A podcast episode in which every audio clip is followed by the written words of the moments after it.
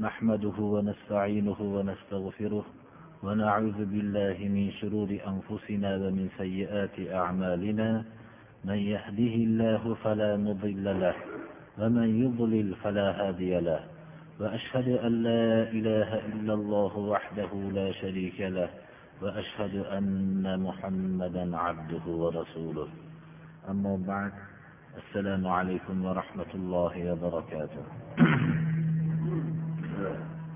juma kunidagi mehmonlar munosabatlari bilan to'xtab qolgan darsimizni inshaalloh davom ettiramiz sura nisodan استعيذ بالله ولا تهنوا في ابتغاء القوم إن تكونوا تألمون فإنهم يألمون كما تألمون وترجون من الله ما لا يرجون وكان الله عليما حكيما shu oyatiga kelib to'xtagan edik bu darsimiz avvalgi darsga bog'lanadi. Avvalgi dars salotul xavf ya'ni qo'rquv vaqtlarida dushmanlar bilan jang maydonida ro'baru bo'lib turgan vaqtda ham inson o'zining ma'naviy quroli bo'lgan namozni mutlaqo esdan chiqarmasligi kerakligi haqida avvalgi darsimizda o'rgangan edik namoz xotirjamlik vaqtida ham mo'minning hayotini yo'nalishini to'g'rilaydigan alloh subhanahu va taolo tarafidan buyurilgan farz ibodatdir.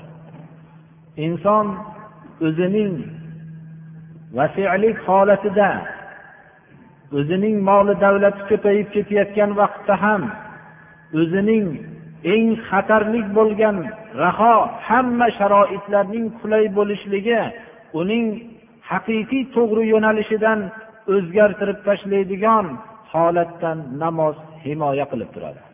Xuddi shunga o'xshagan uning qo'rqinchli bir dahshatli holatida ham o'zining ma'naviy quroli bo'lgan namozni qo'ymaslik kerakligini balki bu oldingi vaqtidan ko'ra ham dushmanga ro'baro bo'lib turganda o'zgarmas bir mustahkam asosga doim bog'lanib turishligi yana ham zarurroq ekanligini alloh subhanahu va taolo rasululloh sollallohu alayhi vasallam va ashobi ikromlarning o'zlarining hayotlarida buni ko'rsatdi.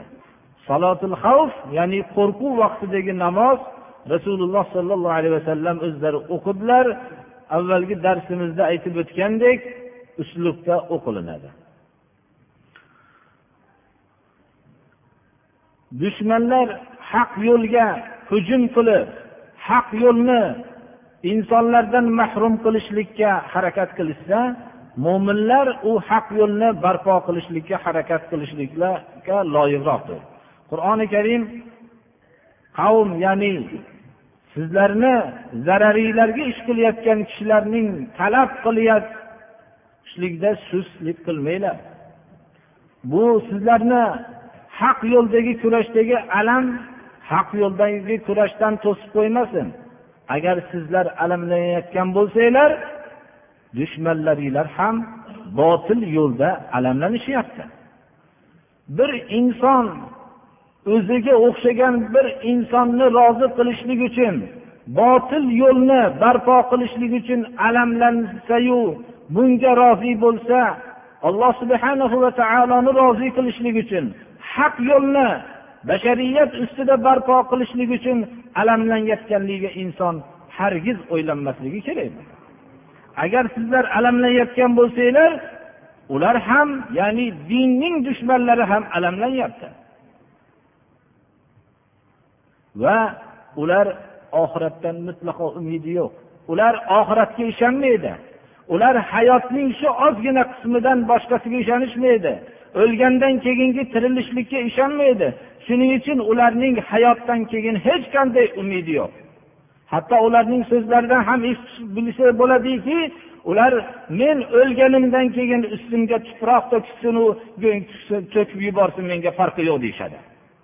Shunday oxiratdan mutlaqo umidi bo'lmagan kishilar botil yo'lda alamlanayotgan bo'lsayu sizlar haq yo'lda bo'lib turib va alloh subhanahu va taolodan abadiy hayotdagi misli ko'rilinmagan rohatlarni umid qilib turib alamlanishlikka loyiq emassizlarmi deb alloh taolo bizga dars beryapti.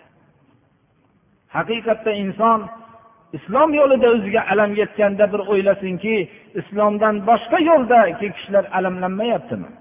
Ular ham alamlanyapti va ular mutlaq ollohdan hech qanday umidlari yo'q balki ollohga ishonishmaydi.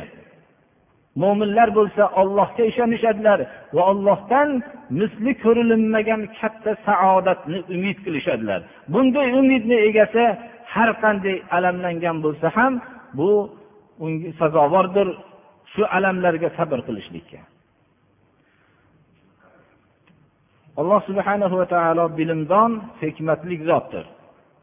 Ya'ni bilib hikmati bilan payg'ambar jo'natdi bu payg'ambar hayotning to'g'ri manhajini ta'lim beradigan zotni alloh taolo bilib hikmati bilan jo'natdi. Bugungi darsimiz alloh subhanahu va taolo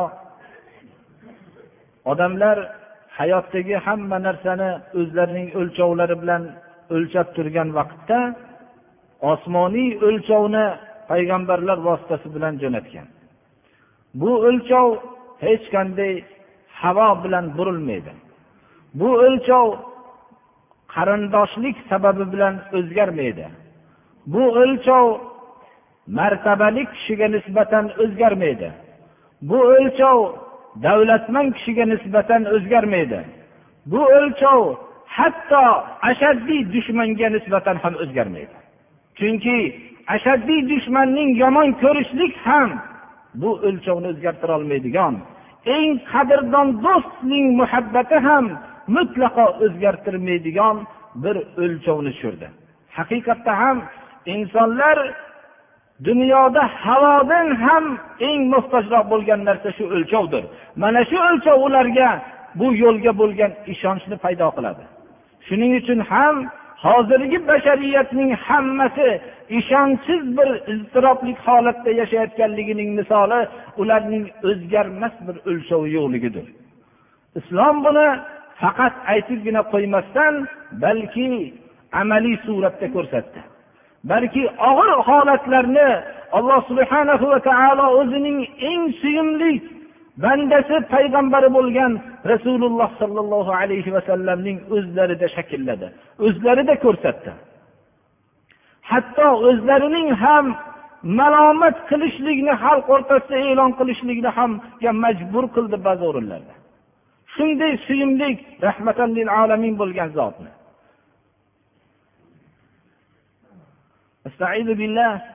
إنا أنزلنا إليك الكتاب بالحق لتحكم بين الناس بما أراك الله ولا تكن للخائنين خصيما واستغفر الله إن الله كان غفورا رحيما biz bu oyatni tushunishligimiz uchun bu oyatning nozil bo'lishligi sababi haqidagi ishonchli manbalardan bo'lgan rivoyatlarga murojaat qilishlikka muhtojmiz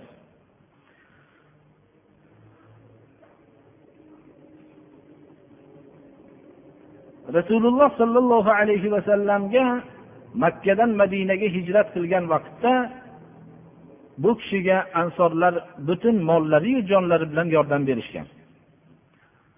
Bu kishiga eng qarshi bo'lgan kishilar bu yerda yahudiylar edi. Ularning harakatlari bilan munofiqlar ishga solinardi. Islomga va islom payg'ambariga va ashoblarga tamomiy makr hiylalar qilinardi. Shunday og'ir bir davrda bu oyat nozil bo'ldi bo'lib ham rasululloh sollallohu alayhi vasallam hubbul ansori minal iymon va bug'dul ansori minal nifoq ansorlarni yaxshi ko'rishlik iymondan ularni yomon ko'rishlik munofiqlik belgisi degan ansorlardan shundalik shunchalik o'zlarining vatanlaridagi qarindoshlari ozor bergan vaqtda mollarini jonlarini fido qilgan va hamda shunchalik ulug' yo'llarda shahid bo'lib hamma vujudlarni bag'ishlagan zotlarning bir jamoa bir qismidan ba'zi bir kishilardan xato sodir bo'lib qolgan vaqtda rasululloh sollallohu alayhi vasallam bu xatoning aslini o'zlari bundan xabardor bo'lmagan holatda ularning so'zi bilan biror bir nasihat qilib qo'ygan vaqtlarida alloh subhana va taolo bu voqeani ochib tashlashlikni iroda qildi.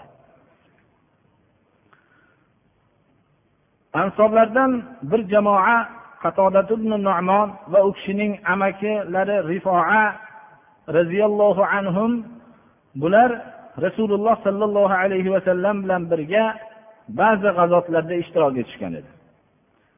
Bittalari ya'ni rifoaning sovuti o'g'irlanib qolgan edi.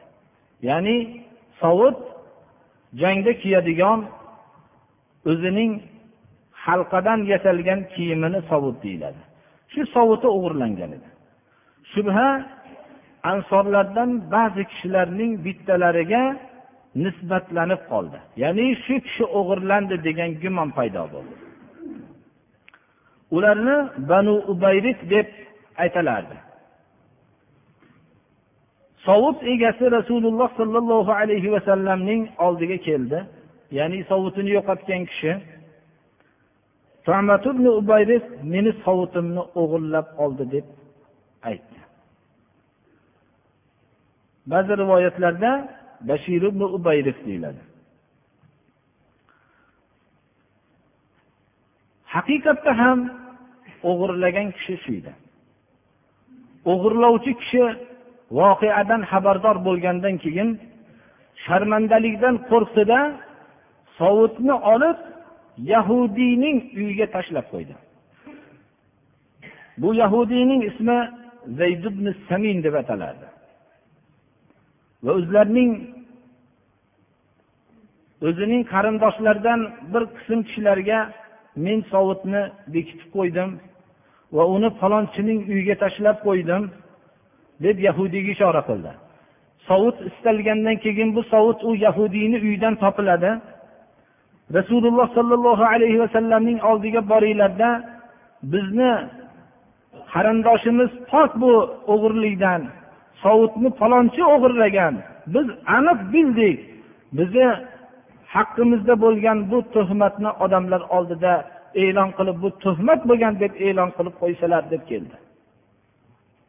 Va bizlarni himoya qiling. Agar olloh siz sababli bizlarni shunday tuhmatdan saqlamasa halok bo'lamiz degan ishora qildi. Rasululloh sollallohu alayhi vasallam sovutni yahudiy uydan istalgan vaqtida chiqqandan keyin bildilarki bu yahudiy o'g'irlagan ekan deb va ibn ubayrikni pok ekanligini va u o'g'irlamagan ekanligini e'lon qildilar. Ba'zi kishilarni oldida.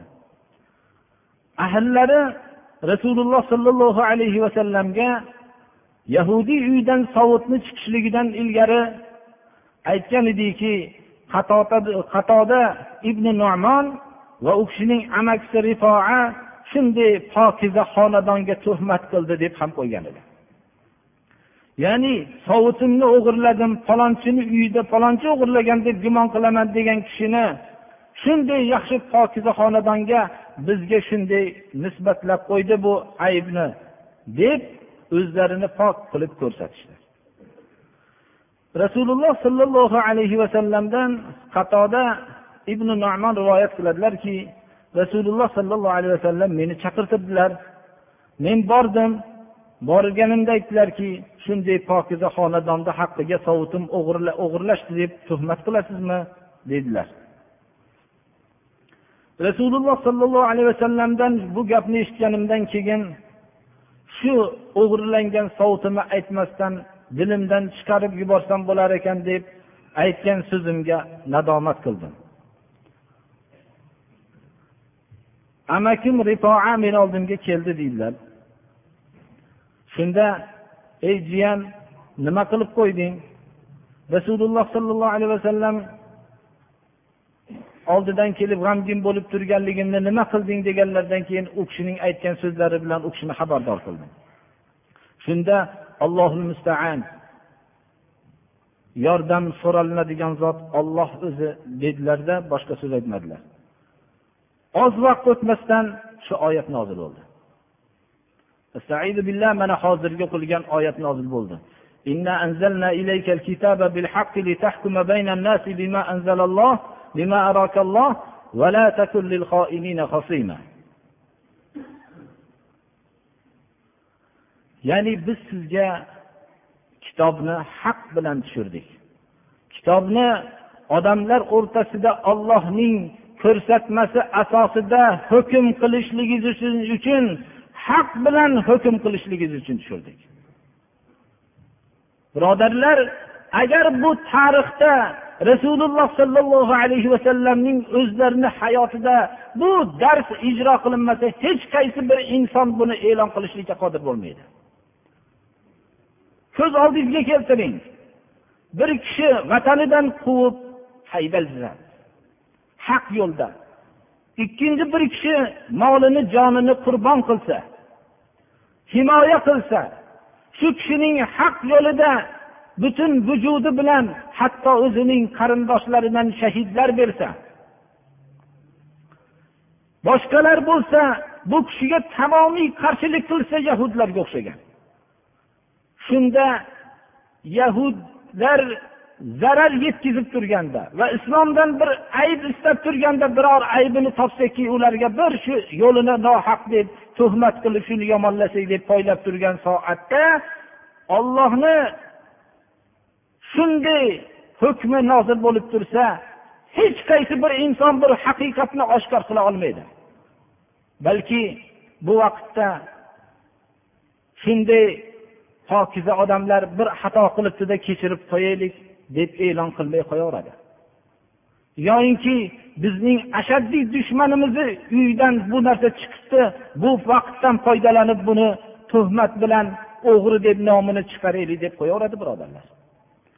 Lekin islomga eng katta xizmat qilgan kishidan xato sodir bo'lganda islomning ashaddiy dushmani bo'lgan yahudga tuhmat qilingan vaqtda buni islom haqiqat bilan ochdi. Yahudni tuhmatini u narsani bu qilganmas deb pok dedi. Ammo islomga eng katta xizmat qilib kelgan bo'lsa bitta xatoni qilgan bo'lsa bu xatoni sizning ishingiz xato deb e'lon qildi. Yahudga bo'lgan qattiq adovat islom kishilarininga yordam berishlikgan kishilarga nisbatan katta muhabbat asosiy adolat tarozisini o'zgartirmadi birodarlar. Alloh subhanahu va taolo qur'oni karimda o'zining eng suyimli bandasiga biz sizga kitobni haq bilan tushirdik. Odamlarni o'rtasida ollohning ko'rsatmasi bilangina hukm qilishligingiz uchun tushirdik degan oyatni nozil qildi.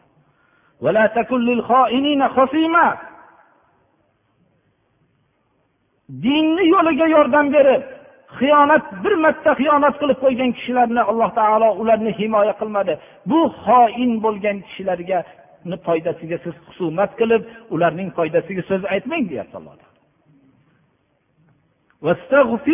deyapti alloh taolo o'zining eng suyimli bandasiga. Butun gunohlardan pok bo'lgan zotga ollohga tavba qiling bu qilgan ishingizga deyapti. Olloh kechiruvchi mehribon zotdir. Alloh taolo gunohlarni kechiruvchi zotdir. Va mehribon zotki hech qanday odamga tuhmat bo'ladigan qonunni jo'natmadi. Har qanday islomga qarshi bo'lgan kishiga ham tuhmat kelayotgan bo'lsa buni o'zining rahmdillik sifati bilan shu tuhmatdan o'zining dushmanini ham tuhmat bilan yomonlayotgan bo'lsa pok qildi. Mana islomning adolat tarozisi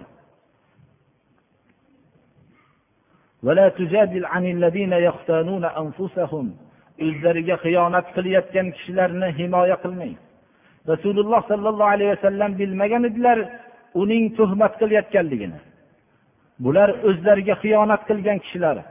Ha bir kishi agar bir jamiyatda turib turib shu jamiyatdagi asosiy qonunga islomning qonuniga agar xiyonat qilayotgan bo'lsa o'ziga xiyonat qilayotgan kishi shu jamiyatga xiyonat qilayotgan kishi o'zi davo qilayotgan islomga xiyonat qilayotgan kishi bunday kishilarni himoya qilmang dedi alloh taolo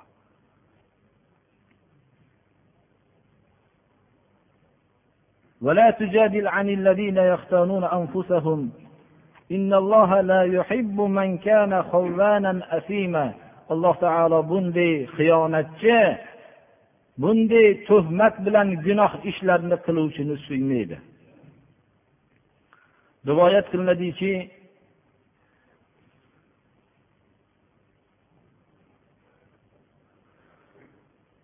alloh subhanahu va taolo bu oyatni nozil qilgandan keyin rasululloh sollallohu alayhi vasallam qurolni olib sovutni olib rifoani oldiga olib qaytarib olib kelib berdilar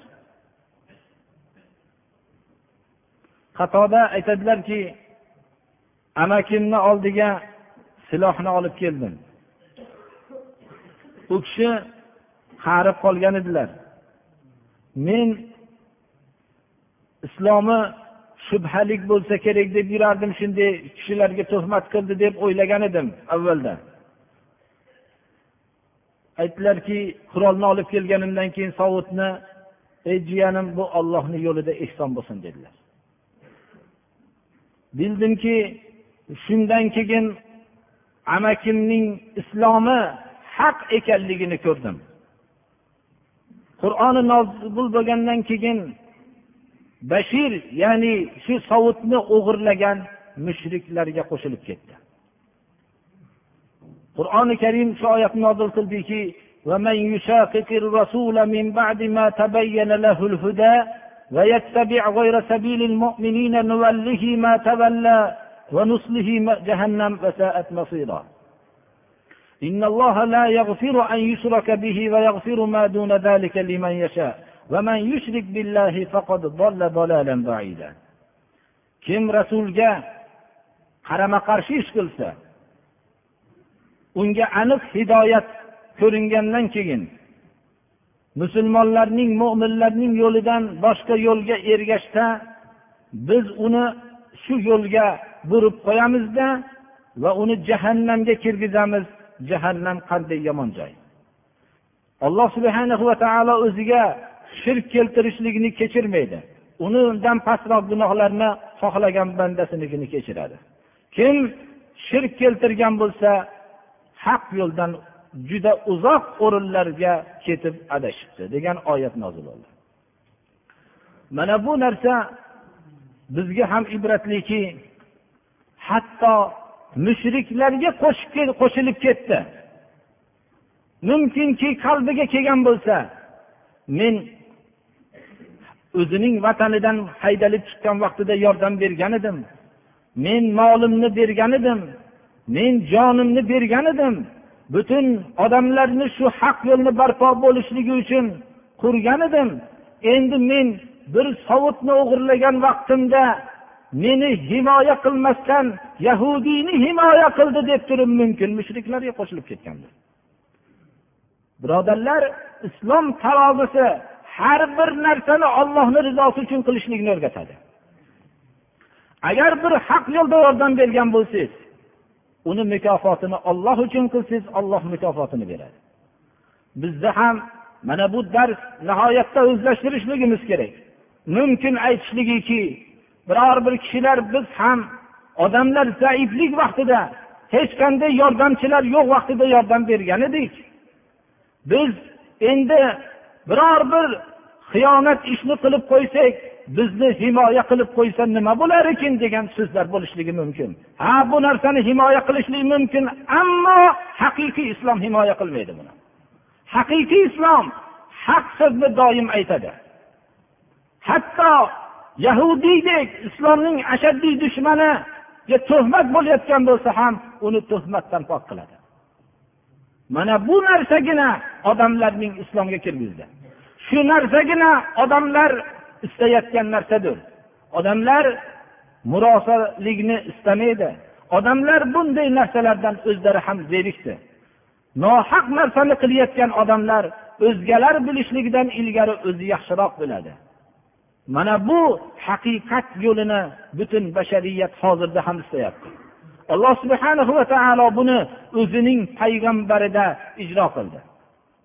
Hatto payg'ambariga xitob qildiki bunday xoinlarni himoya qilishlikdan allohga tavba qiling degan oyat nozil qildi. Bu narsani bir murosaga keltirib qo'yilsa ham birov xafa bo'lmasdi. Lekin alloh subhana va taolo bu o'lchovni o'zining payg'ambarida mujassam qildiki qiyomatgacha bo'lgan bashariyat mana bu taroziga qarab turib ish qilishligi uchun.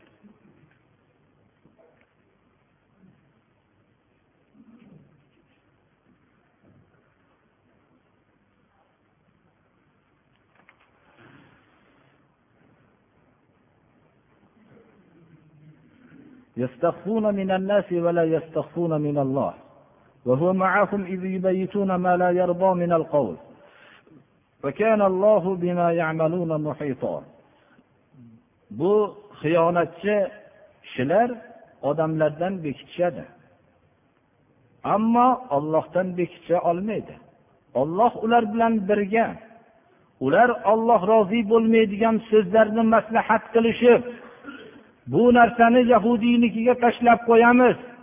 Yahudiyni uydan chiqqandan keyin biz tuhmatdan pok bo'lib bizlarga tuhmat qilganlar aybdor bo'lib qoladi tuhmatchi bo'ladi deb gaplarni tuzishayotgan olloh rozi bo'lmaydigan so'zlarni tuzayotgan vaqtida maslahat qilishayotganda olloh ular bilan birga edi. Olloh ularning bu maslahatlarini eshitib turgan edi. Odamlardan bekitadi. Hatto payg'ambardan ham bekitisha oldi. Shunchalik maxfiy qilisha oldi. Lekin payg'ambar sollallohu alayhi vasallamdan ham bekita olgan narsani ollohdan bekitisholmaydi alloh subhanahu va taolo buni ochib tashladi. Olloh bandalar qilayotgan amallarni hammasini ihota qilib qamrab turuvchi zotdir. ومن يعمل سوءا أو يظلم نفسه ثم يستغفر الله يجد الله غفورا رحيما inson bir davrida molini islomga bag'ishlab jonini ham bag'ishlab bir davrda inson bir ajib bir maxluqki shuning aksi bir xiyonat amali ham qilib qo'yishligi mumkin inson shunday bir maxluq alloh subhanahu va taolo mana bu narsani insonni hisobga olib insonni bir baland maloika tabiat demaydi islom. Inson shunday xatolarni qilib qo'yishligi mumkin bo'lgan maxluq deydi. Mana bu narsani hisobga olib yomonlikni kim qilsa yo o'ziga zulm qilib qo'ysa shunday xiyonatlar bilan allohga istig'for aytsa alloh subhana va taoloni kechiruvchi zot topadi. Faqat kechiribgina qo'ymaydi gunohini balki unga rahmatini ham yuboradi. Kim biror bir gunohni qilsa kasaba kalimasi bilan kelishlik kasb degan narsa foydaga o'xshaydi. Inson bir gunoh yo'l bilan bir harom yo'l bilan bir ish qilayotganda o'ziga foyda deb biladi. Biror bir harom ishni qilayotganda ham foydali ish qilyapman deb biladi. O'ziga shunday gunohni foyda deb shunday qilgan bo'lsa ya'ni gunoh amallarni qilgan bo'lsa u o'zining zarariga ish qilgan bo'ladi. Olloh bilib turuvchi hikmatli zotdir. Agar biror bir xatoni qilsayu biror bir gunohni qilsayu uni pok bu tuhmatdan bu gunohdan pok bo'lgan odamga buni tuhmat toshini otib shunga nisbatlasa u go'yoki oxirat safariga ketayotgan odam bo'xton yukini o'ziga ko'tarib olibdi va ochiqdan ochiq bir gunohni ham ko'tarib olibdi. Agarki bu bo'xton islomning ashaddiy dushmaniga hatto yahudga bo'lsa ham eng islomga xizmat qilgan kishi tarafidan bo'lsa ham bo'xtonni o'ziga ko'taribdi. Bu oyat inson shuni hali aytib o'tganimizdek har qanday bir davrda bosqichda pok bo'lsa ham insonning bir bosqichi bo'ladiki unda maloika tabiat bo'lib o'zidek har qanday yaxshilikni molini ham yaxshilik yo'liga sarf qilishlikka tayyor bo'ladi. O'zini vujudini ham tayyor bo'ladi. Lekin bir davr keladiki unga butun dangkasalik bilan biror bir molining mingdan bir qismini ham ollohni yo'lida sarf qilishlikdan baxillik qiladi shunaqa soat bilan inson doim yashaydi. Islom insonning mana shu holatini hisobga olib ana shu tabiatini poklashlikka harakat qilgan. Ammo boshqa yo'llarni qarasangiz boshqa yo'llarda nihoyatda insonni bir maloikadan ham tabiatliroq hech bir unda insoniy sifatlar yo'q qilib ta'riflanadi. Avvalgi darslarimizda ko'p aytib o'tganmiz yana shuni takrorlashimiz hozir o'rinli deb bilaman. Matbuotlarga nazar tashlansa boshqalarning yo'llariga bir nazar tashlansa u insonni ta'riflaganligini ko'rib hayron qolasizki biror bir yoshlarning bir o'g'il va qizni shu kitobining qahramoni qilib yozgan bo'lsa bu o'g'il bola hech qanday unda qorni ochadigan tabiatsiz. U bir jinsiy g'arizasi yo'q va shunday faqat mehnatdan boshqa narsani bilmaydigan bir qahramon qilib ko'rsatadi. Ayol kishini bo'lsa u ham mutlaqo birovga bir qaramaydigan balki unda jinsiy g'ariza ham yo'q mutlaq ovqat yeydigan tabiat ham yo'q uxlash tabiati ham yo'q qilib ko'rsatadi. Kitoblarining qahramoni shundan iborat. Ular to nechi yosh nechi yil xizmatlar qilishsa ham qarimaydigan bir tabiat bilan ko'rsatiladi. Ular borib borib bir necha yillar shu cho'llarni obod qilib shunday qilgandan keyin birdan bir biriga nazar tashlab ularga bir muhabbat tuyg'usi paydo bo'ladi. Ungacha hech qanday har qancha bir birlari bilan yursa ham bir birlariga yomon nazar bilan tashlamaydigan bir maloikadan ham afzal bir tabiatlik bir maxluq deb ko'rsatishadi. Lekin voqeaga qarasangiz hayvonlar ham hijolat bo'ladigan holatda o'ladi ular ularning yozgan faqat qahramonlari qog'ozda ko'rsangiz shular shundaymikin qani u qahramonlar desangiz hayotga bir nazar tashlasangiz hayvonlar ham o'rmonga qochib ketadigan bir holatda yashaydi ular. Ammo islom bunday demaydi. Islom insonni inson deydi. Bu qorni ochadigan maxluq. Inson u jinsiy g'ariza egasi. Inson bu charchasa uyqusirab qoladigan inson. Bir davrda butun vujudini ollohni yo'liga tikadigan inson bo'lsa bir shu shu kecha kunduzning o'zida ma'lum bir davrdan keyin o'zgarib insonlik xususiyati bilan dangkasalik ham oladigan maxluqdir. Inson u haqiqiy adolatni ham qilsa bir soatdan keyin u xiyonat ham qilib qo'yishligi mumkin.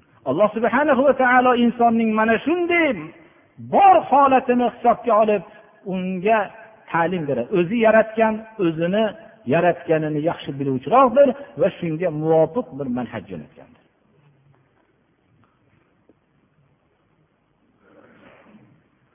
Ana hozirgi oyatda biror bir kishi yomonlik qilsa yoyinki bir o'ziga zulm qilib qo'ysa ollohga istig'for aytsa ollohni kechiruvchi va mehribon zot topadi. Insonni xatokor xato qilmaydigan bir maxluq demaydi islom. Ammo boshqalarning maslakiga qarasangiz mutlaq xatodan pok bo'lgan maxluq deb ko'rasiz. O'tgan qahramonlarini yozib qo'ygan hayotli vaqtida ularga laganbardonlik qilib yozib qo'ygan qahramonlarning kitobi keyin ularning sharmandaliklari ochilgandan keyin o'qisangiz avvalda maloika tabiatidan ham oliyrog'u keyingi hayotdagi sharmandaligi bo'lsa hayvondan ham battarroq bo'lib qoladi. Mana bu narsa ularning hech qanday inson haqidagi bo'lgan yozgan narsalari mutlaqo voqelik emas ekanligini bildiradi.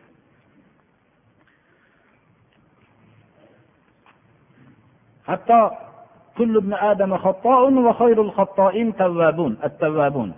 har bir inson farzandi xatokordir ya'ni siygasida ko'p xato qiluvchidir. Lekin xato qiluvchilarning eng yaxshisi tavba qiluvchilardir xato qilgan vaqtda davom etmasdan o'zlarini to'xtatib oluvchilardir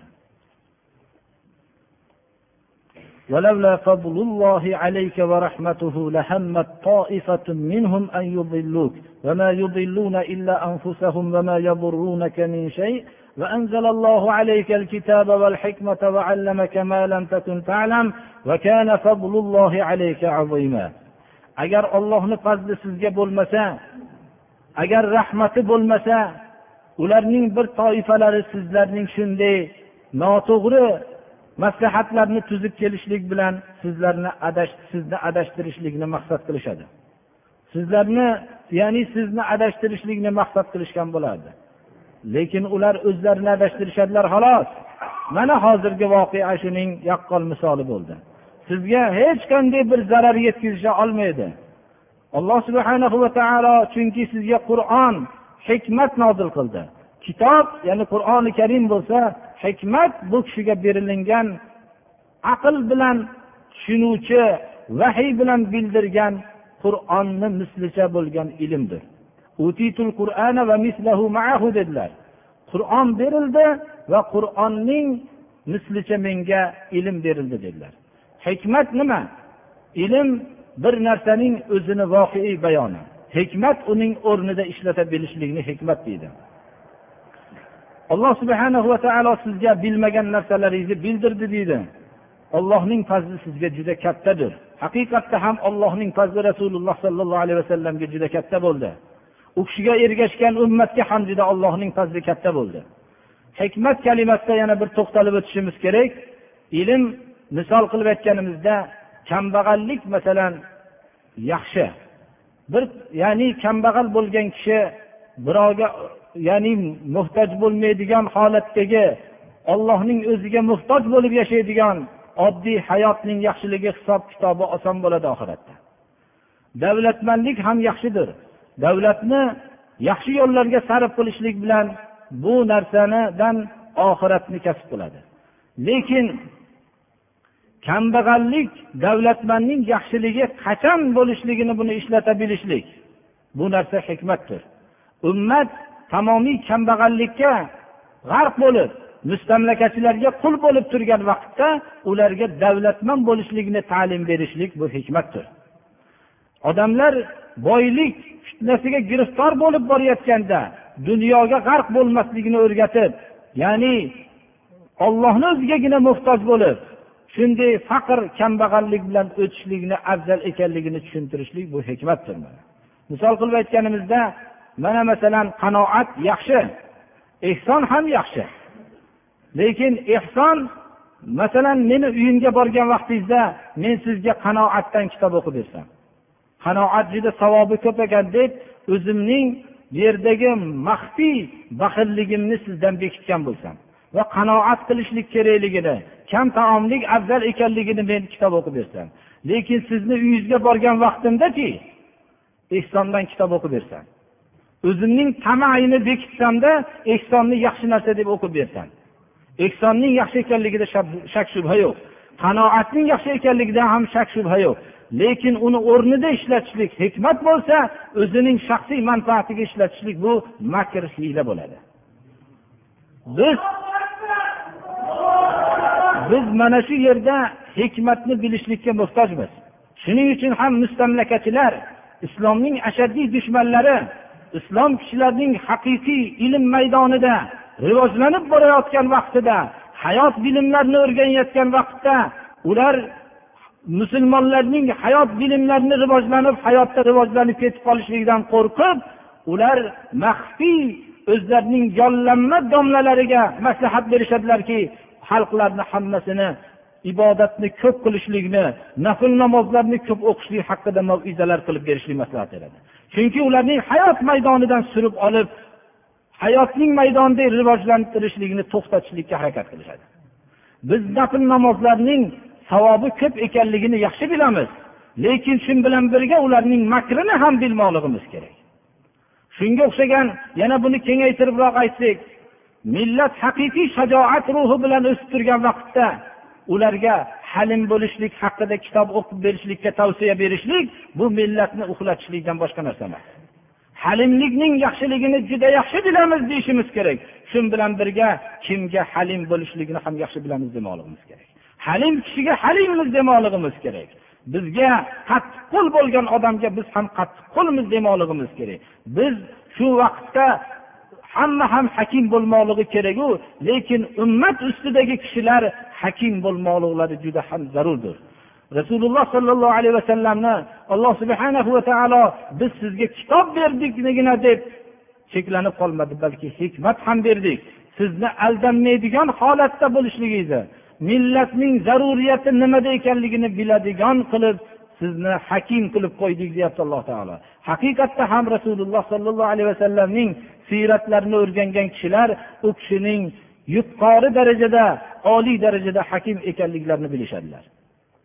Farzandlarni tarbiya qilayotgan kishi ham hakim bo'lmoqligi kerak otalar hakim bo'lmoqligi kerak onalar hakima bo'lmoqligi kerakki shundagina ular oila muassasalarini nihoyatda to'g'ri holatga solishlari mumkin. Alloh subhana va taoloning haqiqatda rasululloh sollallohu alayhi vasallamga fazli juda katta edi mana. Shunday holatda ham hatto fazlining kattaligi shuki eng ashaddiy dushmanlariga nisbatan ham eng ashaddiy dushmanlari bo'lgan yahudlarga nisbatan ham va eng suyumli do'stlariga nisbatan ham adolat bilan tura oldilar. Adolat tarozisini zarracha o'zgartirmadilar. Sezmagan holatda biror bir xatoga yo'l qo'yayotgan vaqtlarda alloh subhana va taoloning fazli katta bo'lib u kishini shu vaqtdagina ogohlantirib qo'ydi. Va allohning fazlini yana kattaligi shuki ogohlantirilgan narsani xalqning o'rtasida e'lon qilishlikdan agarchi o'zlarining malomatlari haqida bo'lsa ham e'lon qilishlikdan tortinmadilar. Va shu tortinmaslik bilan eng ulug' payg'ambarlardan bo'la oldilar. Alloh subhana va taolo hammamizni ham hozirgi darsimizda o'tgan adolat bir mezonini ushlab yurishlikka alloh taolo hammamizga tavfiq bersin. Allohu anhudan bu kishi dadalaridan dadalari u kishini o'zlarining dadalaridan rivoyat qiladilarki payg'ambarimiz sollallohu alayhi vasallam aytdilarki muru muru avladakum bis-salah va hum abna'u sab'i sinin. واضربوهم عليها وهم أبناء عشر وفرقوا بينهم في المضاجع alloh subhanahu va taolo hamma mo'minlarni taqvoga buyuriydi qur'oni karimdagi eng ko'p zikr qilingan narsa taqvo kalimasi bilan sabr kalimasidir sabr ham o'zi haq yo'ldagi sabr qilishlik va dini islomning rivojlantirish yo'lidagi va farzandlarni haq yo'lda tarbiya qilishlik yo'lidagi bu sabr ham taqvoning bir jumlasidandir. Alloh subhanahu va taolo iymon keltirgan kishilarni o'zlarining va oila a'zolarini ollohning o'tidan saqlab qolishlikka buyuriydi. Bu o'tni alloh taolo qanday o't ekanligini bildirib u o'tning o'tini odamlar va odamlar sig'ingan butlardir. Bu o'tning ustida shunday posbonlar turadiki ular qattiqqo'l nihoyatda qo'pol bo'lgan posbonlar turadi.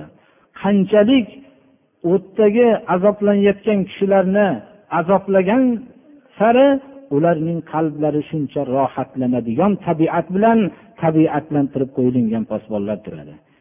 Ey mehribon ota onalar o'zlarining o'zinglarni va o'zinglarning farzandinglarni mana shunday azoblagan sari rohatlanadigan posbonlari bo'lgan o'tdan saqlab qolishlikka olloh buyuryapti. Rasululloh sollallohu alayhi vasallam bu buyruqni avval o'zlarida shaklladilar o'zlarining oilalarida shaklladilar alloh subhana va taolo o'zining ilmi azaliysi bilan eng ulug' payg'ambarni o'zining yaqin qarindoshlarini ollohning azobidan ogohlantirishlikka buyurdi. O'zimizning ichimizdan payg'ambar chiqqan deb u payg'ambarning ulug'ligiga suyanib qolib amaldan qolishmasin dedi. Alloh subhana va taolo hammaga risolatni yetkazib ogohlantirishlikka buyurgan bo'lsa u kishining yaqin qarindoshlarini xossatan ogohlantirdi. O'zingizni yaqin qarindoshlaringizni ollohni azobidan ogohlantiring. Ichimizdan payg'ambar chiqqan deb sizga suyanib qolishmasin dedilar. Rasululloh sollallohu alayhi vasallam bani hoshim bani muttalib qurayshning eng ulug' qabilalarini ya'ni o'zlarining yaqin qarindoshlarini e'lon qilib chaqirib ogohlantirdilar. Hatto jannat ayollarining sayyidasi bo'lgan fotimatu zahro qizlarini ham ogohlantirdilarki ya fotimatu bintu muhammadin sollallohu alayhi vasallam salini ma shi'ti min mali vallohi la ug'ni anki minallohi shay'a ey muhammad alayhissalomning qizi fotima xohlagan molni qo'limdagi bor molni so'rang men bu narsani berish imkoniyatim menda bor. Ammo allohga qasam ichib aytamanki sizni ollohni azobidan men qutqara olmayman dedilar.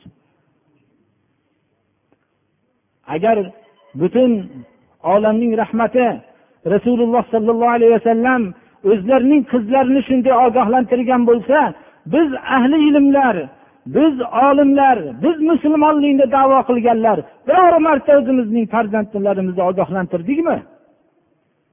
Shunday qilib biz ogohlantirdikmi? Emaklab borib masjiddagi sadaqot xurmosini oldiga bordilarda bir dona